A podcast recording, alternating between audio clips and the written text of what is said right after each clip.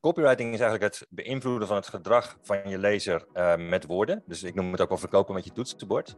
En uh, dat is altijd de kern van uh, wat ik doe. Ik, geef een, ik heb een aantal online trainingen gemaakt voor ondernemers die de nummer 1 in hun markt willen worden. Dit is de Growth Deep Dive podcast. Mijn naam is Jordi Bron, founder van growth hacking agency Red Panda Works. En wekelijks ga ik de diepte in met marketing, sales en business experts om van ze te leren. Dus ontdek razendsnel tips en tricks van de beste specialisten van Nederland. Laten we snel beginnen. Yes, yes, yes. Welkom bij de Growth Deep Dive podcast. Maak ze gek, uitroepteken. Dat is de titel van het best verkochte managementboek van het jaar. En de auteur is mijn gast vandaag. Hij is naar eigen zeggen de beruchtste copywriter van Nederland. En dan heb ik het over Aartjan van Erkel. Aartjan, welkom in de show. Thanks voor de uitnodiging, Jordi. Ja, tof dat je tijd hebt kunnen maken. Want uh, ja, je zal druk hebben als beruchtste copywriter van Nederland. Um, we gaan het hebben over copywriting en vooral ook schrijven voor internet. Want dat is uh, een van jouw uh, websites. Schrijven voor internet, maar je doet meer dan alleen schrijven voor internet, toch? Heel kort voor degenen die jou niet kennen, wat doe je zoal? Uh, ja, copywriting is eigenlijk het beïnvloeden van het gedrag van je lezer uh, met woorden. Dus ik noem het ook wel verkopen met je toetsenbord. En uh, dat is altijd de kern van uh, wat ik doe. Ik, geef een, ik heb een aantal online trainingen gemaakt voor ondernemers die de nummer 1 in hun markt willen worden. En die dat willen doen door onorthodoxe marketing. Dus die een, uh, klanten voor het leven willen krijgen op een manier waar um, het gebruik van hun eigen woorden belangrijk bij is. Want het is echt een ondergeschoven kindje vaak. Vaak wordt er gefocust op marketing, op SEO, op dat soort dingen. Maar uh, copywriting is een heel belangrijk element erin. Ja, maar het is niet zozeer dat jij SEO-teksten dan levert, toch? Nee, totaal niet zelfs. Nee, dat is helemaal wel echt een ander type copywriting. Ja, copywriting, dat heeft dus echt copywriting, dat is, je moet het meer zien als copywriting vanuit de uh, reclamewereld bijvoorbeeld. Waarbij je uh, gedrag aan het beïnvloeden bent. Je wil dat mensen een volgende stap zetten naar aanleiding van een tekst. SEO copywriting bijvoorbeeld of webredactie. Dat zijn compleet andere vakgebieden. Ja, juist. Precies. Het zit er veel meer in de nou, reclameboodschap eigenlijk. Juist, de juiste snaar weten te raken. Ja, ik heb niks met reclame, jongens. Daar zet ik me ook altijd tegen af. Ik ben veel meer bezig met, uh, de, uh, met direct response marketing. Niet zozeer met brand marketing, waar reclame jongens heel vaak mee bezig zijn. En uh, ik, doe ook, ik ben ook niet bezig met tv-spotjes of radiospotjes, maar meer met wat doet een MKB-ondernemer nou in zijn eigen marketing. Dus hoe schrijf je een boek, hoe maak je daar een succes van, wat zet je op je website, wat zet je in je nieuwsbrief, dat soort dingen. Ja, het is dus meer dan inderdaad alleen uh, schrijven voor internet. Dus een van ja. jouw uh, van één tak. Um, hoe anders is dan het, het online schrijven? Dus, want je hebt er een speciale website voor. Dus ik neem aan dat het anders is dan een brochure of een boek. Ja, online schrijven. Als je vergelijkt met uh, bijvoorbeeld een boek schrijven of schrijven voor je website of schrijven voor je nieuwsbrief. Het, is, het voelt bijna alsof je. Ik zit nu ook midden in het schrijven van een boek. Dat voelt bijna als rustig rijden op de rechterbaan. Terwijl schrijven voor internet, voor je website of voor je nieuwsbrief, dat is uh, plankgas op de linkerbaan. Ja, ja, Het is een compleet andere manier van lezen. Als, je mensen, als mensen een boek aan het lezen zijn, dan liggen ze op de bank of ze liggen op een stretch op, bij het zwembad, op vakantie of in bad. En, uh, of of ze, ze hebben een luisterboek lekker relaxed op hun oren terwijl ze aan het fietsen zijn of aan het hardlopen. Ze zijn in, in, in hun ding aan het doen. Maar als ja. ze een tekst lezen op, op een website of een nieuwsbrief, dat is altijd een beetje jachtig. Ze hebben, dat is niet wat ze, uh, waar ze veel tijd in willen gaan steken. Dus ja. daar, daar zit dat verschil in. En concreet, hoe ziet dat er dan uit? Uh, dat, dat, het moet meer scannable zijn, kortere zinnen daarmee, meer regelafstand, kan me zo voorstellen. Ja, wat, het is een soort uh, scan, scanbaarheid is belangrijk, maar vooral op, uh, op homepage en overzichtspagina's. Wat, en er wordt wel eens gezegd dat teksten voor websites zo kort mogelijk moeten zijn. Veel ondernemers ja. die, die denken dat in eerste instantie, als ze bij mij komen, denken ja, ik moet gewoon niet al te lange tekst op mijn website hebben. Om, want mensen lezen dat toch niet. Alleen dat is echt een misvatting. Moet ik altijd tegen strijden tegen dat broodje aap verhaal. Want uh, kijk, als je, het ligt eraan hoe interessant het is wat je schrijft. Als je twee woorden schrijft en het is saai, dan zijn twee woorden al te veel. Maar als je duizend woorden schrijft en mensen lezen dat om te scheuren, want ze, vinden, ze worden er helemaal ingetrokken, dan, dan kun je rustig duizend of nog, nog veel meer schrijven voor je, voor je pagina. Ja. ja, juist. Dus jij zegt het is misvatting dat er überhaupt niet gelezen wordt en dat het allemaal scannable moet zijn. Uh, ik kan me ook heel goed voorstellen dat dat voor bepaalde uh, doelgroepen die echt later in de funnel zitten, dat die er weer heel anders naar kijken hè, in het, uh, Nou, ze, ze, je hoeft ze nog niet meteen te overtuigen, maar ze zijn nog aan het vergelijken. Dan willen ze precies weten, wat kan je nou bieden? Ja, het ligt, het, het, je moet echt wel kijken naar welk product hebben we het over, hoeveel kost dat product, in wat voor situaties gebruiken ze dat, in wat voor situatie kopen ze dat. Dus de hele, inderdaad, de hele flow waarin ze een, eh, een product aanschaffen, dat heeft veel invloed. Maar ik, heb, ik focus me nou vooral op het verkopen van uh, schaalbare informatieproducten, dus expertiseproducten. Dan hebben we het echt over online trainingen, memberships, dingen met een hoog prijskaartje, uh, waar mensen echt een investering in gaan doen. Dus ik heb niet over een elektrische tandenborstel of zo. Nee, nee oké. Dat vergt dan ook wel andere teksten. kan me dat voorstellen, inderdaad. En kun je me eens meenemen in hoe zo'n proces eruit ziet? Want ik hoor nu al dat er heel veel denkwerk dus aan vooraf gaat. En waarbij het schrijven misschien maar een klein onderdeel is. Maar hoe ziet zo'n totaal traject eruit? Wat voor traject bedoel je dan? Nou, inderdaad, stel dat we een, een cursus uh, online willen verkopen. Uh, en we hebben daar goede teksten voor nodig. Uh, en jij begeleidt dat. Um, hoe, welk deel doe jij? Heb je strategie-sessies op voorhand? Train je dat? Schrijf jij dat? Oké, okay. de manier waarop ik de ondernemers daarbij help, dat is, dat is in de vorm van online trainingen en in de vorm van memberships. Dus ze kunnen een online training bij mij volgen waarin ik ze eigenlijk alles uitleg wat ze voor ieder type pagina op hun website nodig hebben. Aan, aan copywriting en ook aan hoe zet je dingen neer, waar zet je dingen neer. Dus een beetje de basic uh, inter het basic interactieontwerp van een, uh, een converterende website. En, de, en welke copywriting heb je daarbij nodig? Want er wordt heel veel gefocust op. Heel veel mensen zijn, relatief veel mensen zijn goed in webdesign en in interactieontwerp. En in dingen zoals SEO en, uh, en online adverteren. Maar er zijn heel weinig mensen goed in copywriting. Ja. Dus die echt snappen hoe je ervoor zorgt dat op zo'n website of in een advertentie mensen gaan converteren. Dus dat ze echt de volgende stap gaan zetten. Dus mhm. daar, en, en dat heb ik op een gegeven moment heb ik daar zoveel kennis over opgedaan. Ik heb er een keer een boek over geschreven, Verleiden, Verleiden op internet. En ik ben er een online training over gaan maken, omdat ik merkte dat ik kwam zelf vanuit de, de corporate wereld. Dus ik zat bijvoorbeeld een paar jaar bij, als, bij Booking.com als conversie copywriter. Allemaal experimentjes doen met hele kleine stukjes tekst op die website. En dat dan testen in 42 verschillende talen. Um, daarna, na, in, in, in, mijn leven daarna, zeg maar, op een gegeven moment ben ik gestopt in de corporate wereld en ben ik echt uh, gegaan voor het maken van schaalbare informatieproducten. Dus echt online trainingen waarin ik ondernemers alles vertel wat ik ze daarbij kan leren en waarbij ik beschikbaar ben om vragen te stellen. Dus ik ben niet zozeer een copywriter die je inhuurt, maar ik ben meer een copywriter die je uitlegt hoe je het zelf kan doen.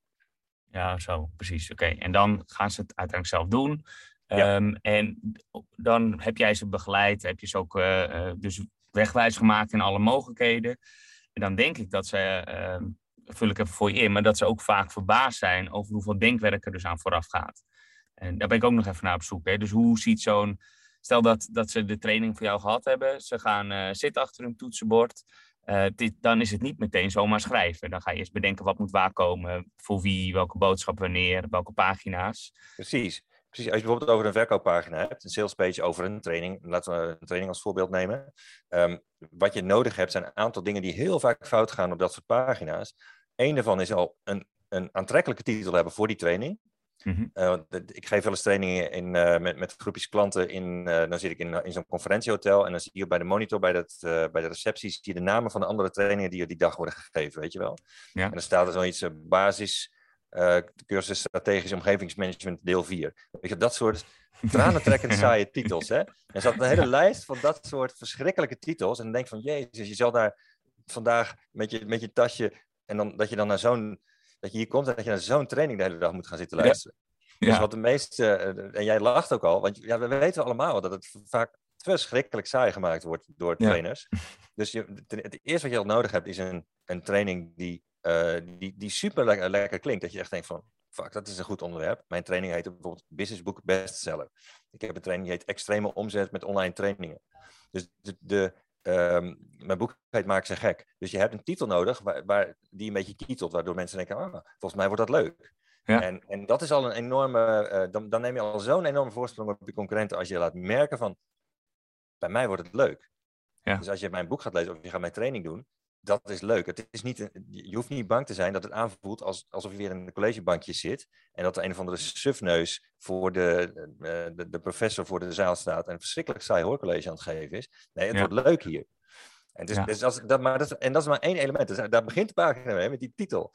En dan heb je nog een goede ondertitel nodig. Een ondertitel waardoor ze snappen, die even nog iets meer uitlegt over wat, oké, wat businessboek bestseller. Wat bedoel je daar dan precies mee? Mhm. Een ondertitel die uitnodigt, of die, die even uitlegt wat je daarmee bedoelt. Ja. En dan, ehm, met de ondertitel is bijvoorbeeld eh, hoe je, ehm, eh, god, ik weet niet uit mijn hoofd, maar in ieder geval, een, je hebt een ondertitel nodig, waardoor, eh, waardoor je klanten snappen, oh ja, oh ja nee, nee, snap ik inderdaad helemaal waar je het over hebt. Mhm. Eh, bij mij is dat een online trainingsprogramma voor auteurs van een businessboek. Ont- Ontdek een simpele methode waardoor je zakelijke boek extreem opvalt en verkoopt als een gek. Ja. Dus je hebt dan zeg maar de titel, de ondertitel en je hebt een headline. Die headline is ontdek een simpele methode waardoor je zakelijke boek extreem opvalt en verkoopt als een gek. Ja. En die, dat is een soort van drie-eenheid waar je een pagina mee begint over zo'n expertiseproduct.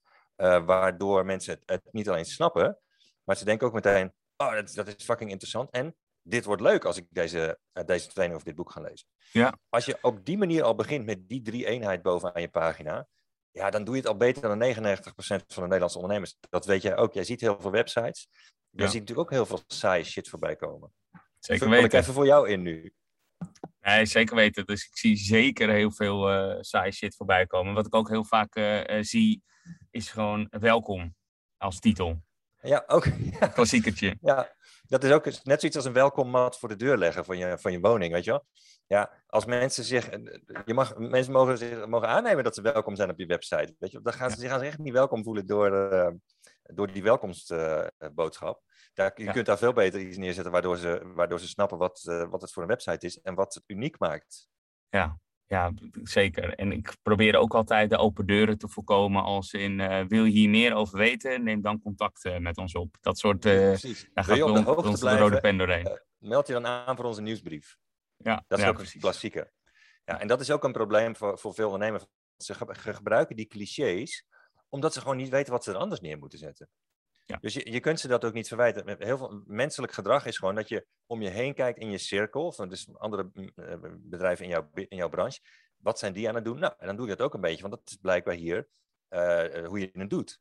Ja. Alleen dan, doe je, dan ben je dus eigenlijk aan het meeblaffen met de rest. En ja, de majority is always wrong, we weten het wel. En toch doen we vaak mee aan wat de rest aan het doen is. Zeker als je niet weet wat je niet weet en niet, geen alternatief voorhanden hebt voor die clichés waar de rest eh, mee, mee aan het smijten is. Ja, juist.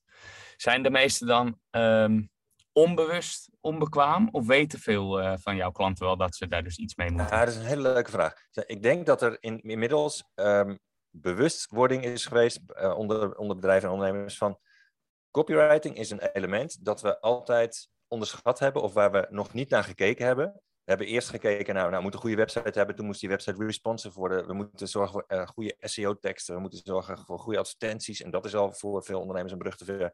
Eh, We zijn eerst, de webdesign moet goed zijn, weet je wel. We zijn eerst gaan kijken naar dat soort dingen. Naar techniek en design.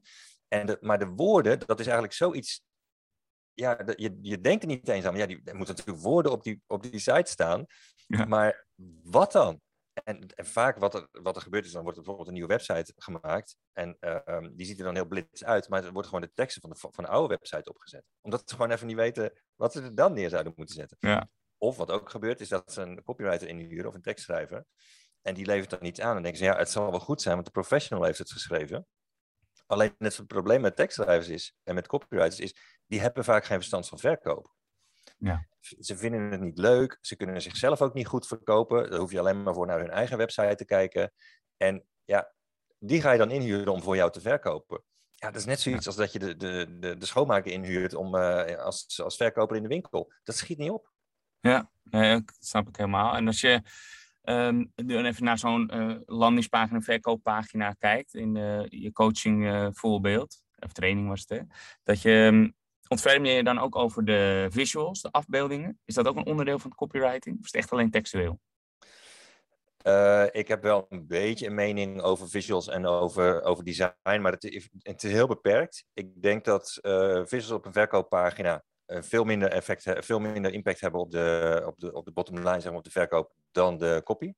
En eh, je moet natuurlijk niet, je moet geen grote fouten daarmee maken, maar je, je hebt maar zoveel ruimte voor, voor visuals en de rest is gewoon copy. Voor, als het een goede verkooppagina bestaat voor een heel groot deel uit copy. En je kunt dus maar beter weten wat, wat daar moet staan om er goed mee te verkopen. En wat, hoe het werkt in het hoofd van een klant, waar laat hij zich door overtuigen? En als je dat niet weet, dan kun je ook die, die copy eigenlijk niet goed schrijven. Ja, ja juist. Ja. Nee, Oké, dus, dus, dus meer ondersteunend, uh, zeg jij. Dus de visuals moeten dat extra, wat ik ook heel vaak zie. Uh, nou, onlangs nog op een uh, website van onze klant. Het ging over onze tool bespaart je veel tijd. En dan zie je een klok erbij staan. Ja, ja. Het is nou niet echt... Ik, hij zegt, ja, je kan beter het product laten zien daar. Hè? Dus laat gewoon een screenshot zien, die is een beetje mooi vormgegeven. Dan helpt het alweer iets bij de ondersteuning. Maar ja, vertellen wat, wat er staat, letterlijk gewoon bespaart tijd. Dus we laten tijd zien. Dat draagt niet echt bij. Nee, dat is dan... het, is, het is vaak illustratie. Zo'n zo'n afbeelding van een klok is eigenlijk dan illustratie. Dat is net zoiets als dat je, uh, je, muur, dat je je muur behangt of zo ja, het ziet er wel leuk uit, maar het doet niet zo heel veel. Het is net, ik was laatst bij de bakker bij mij om de hoek. En daar stond een, een, een, achter de toonbank stond een foto van die bakker. En die, die gooide dan met wat meel, want dat zag er lekker dramatisch uit. En er stond een slogan onder, uh, zoiets als: uh, neem, je, neem jezelf niet in het ootje, koop een lekker broodje. Volgens mij was dat de slogan, weet je wel? En dat is gewoon versiering. Dat, is, dat, dat doet verder daar gaat hij geen, geen croissantje meer door verkopen. En dat is wel waar ondernemers vaak heel, veel, uh, heel erg op gefocust zijn. Dus ze willen een mooie foto en een, een kekke slogan. En het moet dan groot op de muur geprint worden. Kost best wel veel geld waarschijnlijk. En dan doen ze online ook dat soort dingen. Alleen, ja, ze gaan er geen hol meer door verkopen natuurlijk. Nee, nee, nee. Nee, ja, dat denk ik ook inderdaad. Um, ik wil even naar de stellingen gaan. Ik heb een uh, drietal stellingen voor je. Je mag uh, reageren met eens of oneens. En daarna komen we er even op terug. Dan mag je uitleggen waarom je dus eens of oneens zijn. Um, eerste is, AI, als in Artificial Intelligence, is een bedreiging voor het copywriting vak. Ja, ik vind het een hele leuke. Uh, AI, dat je hebt nu inderdaad een aantal tools waardoor een, bijvoorbeeld een verkooppagina door een soort stukje software helemaal geschreven wordt. Dus je moet een aantal variabelen invullen. Zo, wat is het voor product? Ik weet niet precies de variabelen zijn. Een aantal, eh, de, de, de, titel, het, de branche, het, nou, een aantal, een aantal invulvelden heb je dan. En, vervolgens gaat er dan een robot aan de gang met op basis van artificiële intelligentie. En die spuugt dan een verkooppagina uit. En ze zegt, nou, dat zijn, uh, die pagina's zien er, zien er dat is gebaseerd op het, ze hebben, ik weet niet hoeveel verkooppagina's ge, ge, geparsed, zeg maar. Die zijn er doorheen gejast. Ja. En die, daar heeft die robot dan van geleerd. En vervolgens spuugt hij een soortgelijke pagina uit. Dus, en dan ben je dus precies eigenlijk aan het doen. We hadden het er al over, the majority is always wrong. Dus je bent dan precies dat aan het doen wat iedereen aan het doen is. In diezelfde markt, met, op die verkooppagina. En dat is ook. En het, ik ontken niet dat dat een fatsoenlijke pagina waar, waarvan je in eerste instantie niet zou zeggen dat er iets mis mee is. Het zou, ik, ik heb pagina's ervan gezien waarvan je denkt van goh, dat is opmerkelijk dat een robot dat kan. Ja. En het klinkt inderdaad als een verkooppagina. Alleen Ehm, de, en eh, trouwens ook als je, als je een copywriter zou inhuren, dan, is het, was, dan zal die waarschijnlijk ook aankomen met een pagina die een beetje vergelijkbaar is. Dus de mhm. meeste copywriters die hun huiswerk niet goed doen en die niet goed zijn in verkopen, dus die huur je wel in uh, om te verkopen met hun toetsenbord. Alleen ze zijn er niet goed in, ze vinden het ook niet leuk, ze vinden het niet chic. Ze, ze, ja, vaak zijn ze gewoon niet goed in. We hebben het, wie wel eens tekstschrijvers inhuurt, die heeft het ook meegemaakt. Ja. Um, dus die zouden ook met zo'n soort pagina aankomen. Als je echt wil onderscheiden met je copywriting, ja, dan heb je iets nodig wat AI voorlopig nog niet in staat is om te doen, omdat wij zelf niet in staat zijn om het te doen. En zelfs de pros niet, dus de copywriters. En dat is een echt goed verkopende pagina schrijven. En daarom ben ik daar ingesprongen om daar een beetje bij te gaan helpen. Van, nou, er zijn een aantal dingen die we wel degelijk weten uit al dat onderzoek wat we nu natuurlijk aan het doen zijn. Bureaus zoals jullie, die zijn natuurlijk bezig met het uh, met testen van, van, van allerlei dingen die, um, uh, waardoor we een aantal best practices in, inmiddels wel hebben over wat goed converteert op websites. Alleen de meeste mensen, die, eh, de meeste ondernemers, die hebben daar nog geen kennis over. Ja, het is volgens mij een uh, hele lange oneens. Ik was op zoek naar een eens of oneens, maar ik was zo geïnteresseerd. Ik dacht, laat je eventjes je uitleg geven. Ja, ik wil ook best oneens en of eens zeggen hoor, maar ik, ik heb er ook wel echt een mening over. Ja, ja, heel graag. Dus in dit geval, het is volgens mij oneens, als in uh, het is voorlopig nog geen bedreiging, als ik het zo mag interpreteren. Omdat we nou, zelf het is een bedreiging, het, het, oneens, maar het is een bedreiging voor, wel voor de meeste copywriters. Ja, voor de, voor de, de gewone copywriter die gewone teksten levert. Ja. Ja, dus niet, niet voor die extra vertaalslag, voor iets nieuws, iets unieks, waarbij je dus echt niet voor de top verkoop. Ja, ja, ja. niet voor de echt goede en niet voor de ondernemers die het zelf goed hebben geleerd. Ja, Oké, ik wil daar nog wel eventjes meer over weten, maar ik wil even naar stelling 2. Uh, graag eens of oneens. Dan gaan we daarna naar stelling 3 en dan mag je daarna erop terugkomen. Um, het tweede is, ondernemers kunnen prima zelf hun teksten schrijven. Eens. Gaan we meteen door naar drie. Een boek schrijven heeft een geweldig positieve ROI op je tijd. Op je tijd? Op je tijd. Eens. Eens. Oké. Okay. Um, ehm, we gaan even naar twee. Uh, ondernemers kunnen prima zelf hun teksten schrijven. Um, sommige, lijkt me. Of zeg jij, nee, iedereen kan uiteindelijk zelf tekst schrijven? Nee, niet iedereen kan zelf een tekst schrijven. Dus um, ik werk zelf met ondernemers die, die wat met schrijven hebben. Ik noem het ook wel schrijvende ondernemers. Kijk, als jij compleet dyslectisch bent en uh, er helemaal, uh, iedere keer als je iets schrijft, zit het vol met taalfouten en je hebt er helemaal geen gevoel bij en je leest ook niet graag, ja, dan, dan, wordt het, dan wordt het ook lastig om je eigen teksten te schrijven. Maar het is wel degelijk mogelijk, ook als je vroeger niet goed was in Nederlands op school, om hele goede, hele goede teksten te schrijven voor je website. Um, ja. dan, moet je wel, dan moet je er wel iets mee hebben. Je moet wel een klein beetje leuk vinden om daarmee bezig te zijn, om daar beter in te worden. Um, maar het is zeker mogelijk voor ondernemers om um, beter te worden in copywriting. Dat is mijn hele verdienmodel en dat doe ik al jaren. Juist, alright. Maar is het nu ook zo dat je altijd een tweede lezer dan moet vragen? Of zeg je van nou, je redt het ook al alleen? Nou ja, een tweede lezer vragen is geeft je op zich wel informatie, maar het is lastig als die, het ligt een beetje aan hoeveel die tweede lezer weet over jouw product en over jouw markt. Maar het is altijd heel frustrerend. Ook zelfs top copywriters. Ik zat vandaag toevallig nog naar een luisterboek te luisteren, eh, een online cursus van, uh, van Dan Kennedy, wat een van de top copywriters in de, in de wereld is. En die zei ook dat hij in zijn begintijd moest hij altijd strijden tegen klanten die toen hij zeg maar, nog niet genoeg autoriteit had opgebouwd, bijvoorbeeld door boeken te schrijven en door online trainingen te maken, toen had hij altijd strijd met klanten die lazen dan de copywriting die hij had voor, die klant had geschreven. En die, nou, die hadden het dan aan hun vrouw laten lezen of ze, ze aan hun, aan hun uh, marketeer of aan iemand laten lezen. En die hadden allerlei wijzigingen. En dan moest hij echt een, een soort oorlog voeren met die klant om ervoor te zorgen dat ze die tekst niet verneukten. Want anders dan werd het dus uh, dan werd het niks. Dus je moet wel weten waar je um, uh, commentaar oplevert als je zomaar gaat, uit de heup gaat schieten op een tekst die iemand zich, uh, die jou voorlegt. Juist, alright. Ja, duidelijk verhaal. En de ROI op een boek, daarvan zeg jij, nou uiteindelijk als je, het is moeilijk doorrekenen lijkt me, maar jij zegt daar uh, ben je positief over, dat verdient zich uiteindelijk zeker terug. Ja, ook wel een nuancering. Kijk, als jij jezelf wilt positioneren als, als de expert in jouw markt, dus als dat bijdraagt aan jouw verdienmodel, of als dat misschien jouw hele verdienmodel is, dus dat jij jouw expertise verkoopt in de vorm van boek, in de vorm van training, in de vorm van adviezen, consultancy, uh, dan is een boek een van de manieren waarop jij de meeste autoriteit aan jezelf kunt verlenen. Dat wil zeggen, een succesvol boek.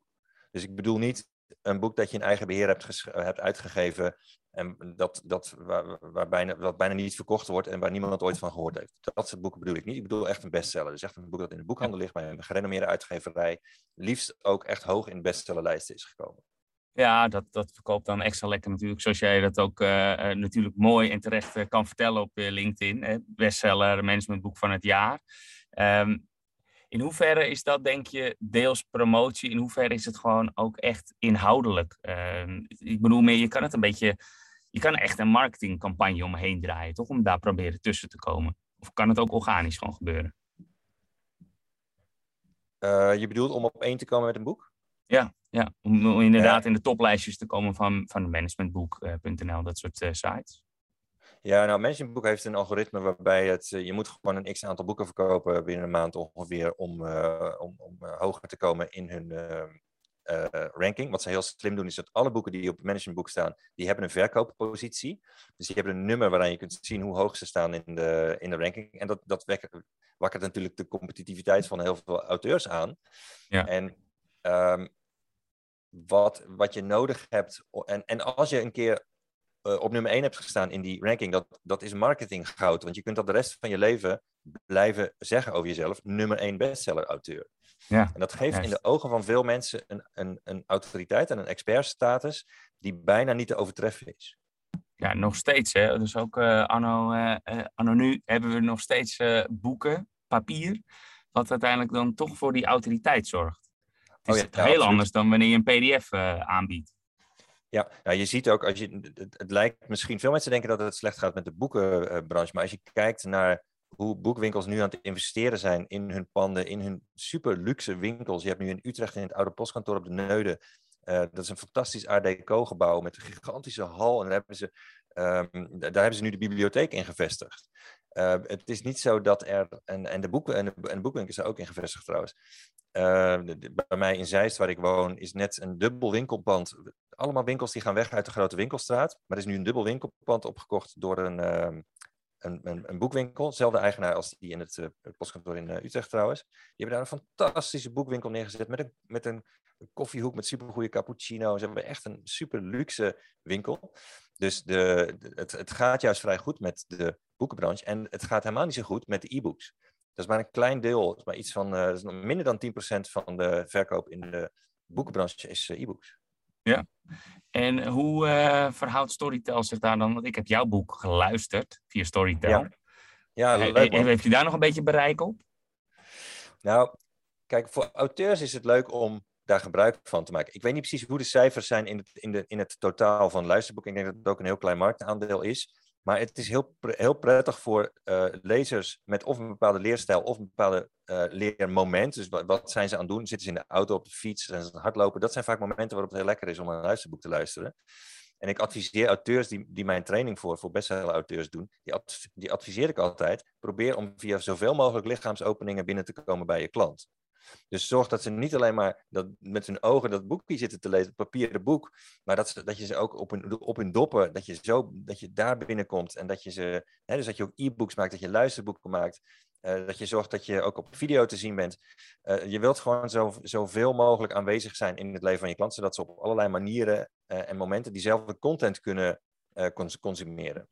Juist, en als je dan naar het proces kijkt en vooral ook de promotie achteraf van een boek, heb je daar nog concrete tips voor?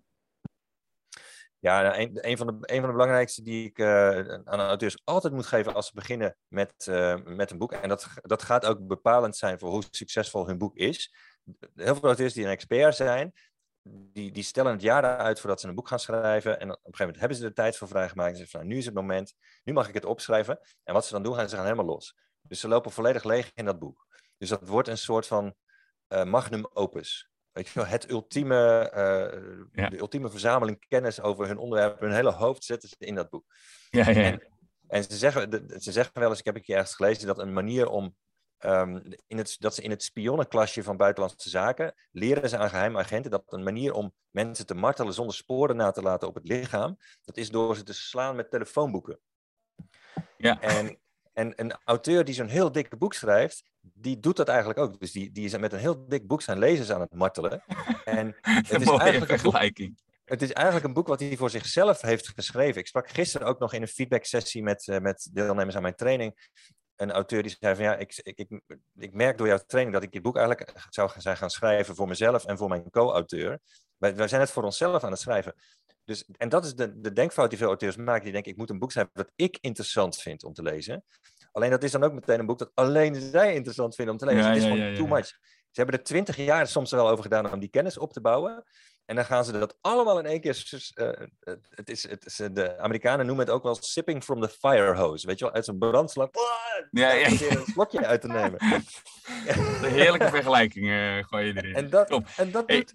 En dat doen acteurs vaak. Daar moet je altijd voor waarschuwen. Van slow down, rustig aan, klein, klein onderdeeltje. Dan schrijf daar je boek maar over. Ja, want jij bent inmiddels met je derde boek bezig, hè? Ja. En waar, gaat, uh, kan je al een tipje van de sluier uh, oplichten? Waar gaat hij over? Ja, in dat boek uh, leer ik aan ondernemers ex die expert zijn in hun markt, hoe ze de nummer één in hun markt worden. Dus hoe ze de bekendste naam worden en hoe ze klanten krijgen voor het leven. Ja, nou, dat, dat doet iedereen. Van het boek. Dat doet iedereen. Dus dan, ja, dan ga ik hem weer s s'avonds in mijn oren van je horen waarschijnlijk. Ja, leuk. Ja, zelf zeker ook weer een luisterboek, ja. Ja, ik ga hem ook weer inspreken, absoluut. Ja, oké. Ja, dat kost toch wel wat tijd. Ik ben je toch gauw, het is er tien uur mee bezig, denk ik. Met, een beetje met inspreken? Ja. Dat was ongeveer twee dagen in een, in een heel klein uh, kastje met allemaal eierdozen of weet je van het geluiddempende materiaal. En dan een iPad mini voor mijn neus, zodat je niet het bladeren hoort. En dan ja. Met een hele wakkere stem. Niet faciliteert Storytel dat? Nee, nee, nee. Nee, zeker niet. Dat nee, dat, is, dat is echt... En ook je, uit- je uitgeverij niet. Daar moet je echt zelf het initiatief voor nemen. En je moet ook zelf betalen. Oké. Alright. Heb jij nog een, eh, tot slot, een, eh, eh, een mooie, concrete tip als het gaat om eh, eh, de, de ondernemer zelf? Die zegt, die kijkt naar zijn site en die zegt, nou misschien heeft die Aart-Jan wel gelijk. S- mijn website en mijn teksten vooral, die zijn eigenlijk ook niet zo lekker. Hoe, wat zou jouw ultieme tip zijn? Mag het ook een ultieme tip voor content marketing zijn? Dat mag zeker. Wat, wat veel eh, de ondernemers die expert zijn doen in hun content marketing, dat is teachen. Dus die zijn goede tips aan het geven. Dus die zijn, die zijn echt doortimmerde artikelen aan het schrijven. Alleen als je kijkt naar wie verdienen er nou het meeste geld, zijn dat de teachers of zijn dat de entertainers? Dus is dat eh, juf Mirjam van groep 8 of Ja. is het eh, Beyoncé? Weet je, Ja, daar, zit een, daar zit een gigantisch verschil tussen. En dat weten we ook allemaal. En als je dat weet, waarom gebruik je dat dan niet in je marketing? Ja. Waarom ga je dan teachen? Dus waarom positioneer je dan jezelf als iemand die we, de meeste van ons vinden, onze teachers uit onze jeugd vinden, vinden super saai. Eh, dus, en ze hebben een lage eh, sociaal-economische status. Ze hebben gewoon Mhm. weinig, weinig geld. Dus waarom zou je je positioneren als zo iemand en niet als een entertainer? Ja. Dus ga, dus stop entertainment in je marketing. Natuurlijk ook wel wat goede content, maar niet volledig focussen op goede content en ondertussen helemaal vergeten om het entertaining te maken. Ja. Dus, en, dus zorg dat je, dat je marketing echt wordt ontvangen als een cadeautje, als echt iets wat, wat superleuk is om te lezen. En dat mensen, wat mensen ook echt missen als jij een keer op vakantie gaat en je gaat, ik, ik stuur zelf elke dag een eh, marketingmail naar mijn mailinglijst. En je zou zeggen, jij bent helemaal gek dat je dat doet, want dat trekken mensen niet als je elke dag gaat mailen. Maar we krijgen super goede reacties op die marketingmails. Sterker nog, mensen vragen, mij als, vragen wel eens aan mij, waarom mail je ons niet ook op zaterdag en zondag? Ja. En dan heb, die, die vraag krijg ik echt letterlijk regelmatig. Als ik twee weken op vakantie ben en ik heb dan even niet gemaild, dan zeggen ze, wat moet ik nou doen op mijn eh, wc-moment? Mensen gaan erop rekenen dat jij gewoon steeds voorbij komt en dat jij steeds iets leuks hebt. En als je dat maar doet, dan hoef je eigenlijk verder niet heel moeilijk te doen over je marketing. Je, hoeft niet, je, hebt, niet, je hebt niet, ik weet niet wat voor funnel nodig en gigantische eh, campagnes en zo. Dat, dit is eigenlijk de basics van goede marketing, is dat je, eh, dat, dat je het entertaining maakt. Dat, dat het leuk is om met jouw zaken te doen. Goed zo. Ja, maak ze gek, hè? Dat is hem eh, uiteindelijk. Precies. Enthousiasmeer en tease in plaats van teach. Ja, iedereen houdt van teasen. Teasen is leuk om te ontvangen. Kietelen is leuk om te ontvangen, maar het is leuk ook om te kietelen. Weet je wel? Ja, ja, ja. heb je ook de grootste lol. Dus ja, doe dat ook in je marketing. Mooi. Ja, super. Artjan, dankjewel. Eh als mensen nou meer eh, willen weten over jou of zo, ze zouden ook wel eens een training van jou willen hebben. Hoe kunnen ze jou het best bereiken? Eh, mijn website is dus eh, schrijven voor internet.nl, zoals je al zei. En daar, daar, krijgen ze, daar, daar krijgen ze een voorproefje van mijn eh onorthodoxe eh, marketing. Ze kunnen zich ook aanmelden voor die dagelijkse mail als ze bereid zijn om elke dag van mij te horen. Anders meld, meld je alsjeblieft niet aan. En ehm, ze kunnen ook een sneak preview eh, bekijken van mijn eh, nieuwe boek. Dat erover gaat hoe je de bekendste naamwoord in je markt en klanten voor het leven krijgt. Ja. En die kunnen ze vinden op uh, schrijvenvoorinternet.nl slash sneak preview. Nice, top. Oké, ja, super, super waardevol. Ik vond het een hele, hele leuke aflevering, dus daar wil ik je enorm voor bedanken. Ik En, ook, dankjewel. Ja, nou, thanks. Heel veel succes zou ik zeggen met eh, alles waar je mee bezig bent. Het is nogal wat. En ik ga zeker eh, je boek weer ofwel le- le- lezen of luisteren. En dan zit je gewoon weer eh, in mijn oren voor een uur of tien. Super. dus thanks super. voor nu, uh. Yes, Yes. right. Bye. Yes, dit was hem weer. Hopelijk was deze aflevering weer leerzaam, zodat jij een nog betere growth hacker wordt. Heb je zelf ideeën voor onderwerpen of wil je zelf de gast zijn als expert? Stuur mij, Jordi Bron, een berichtje op LinkedIn of stuur een mail naar jordi.redpanda.works. Het e-mailadres vind je natuurlijk ook op onze website redpanda.works. Ik wil je dan nog iets vragen en dat is om een eerlijke review te geven. Voor growth hackers is het namelijk super belangrijk om feedback en daarmee data te verzamelen. Dus ben ik benieuwd wat jij van deze podcast vindt. Laat het dus weten door een review te geven in je favoriete podcast app. Dankjewel alvast en tot volgende week.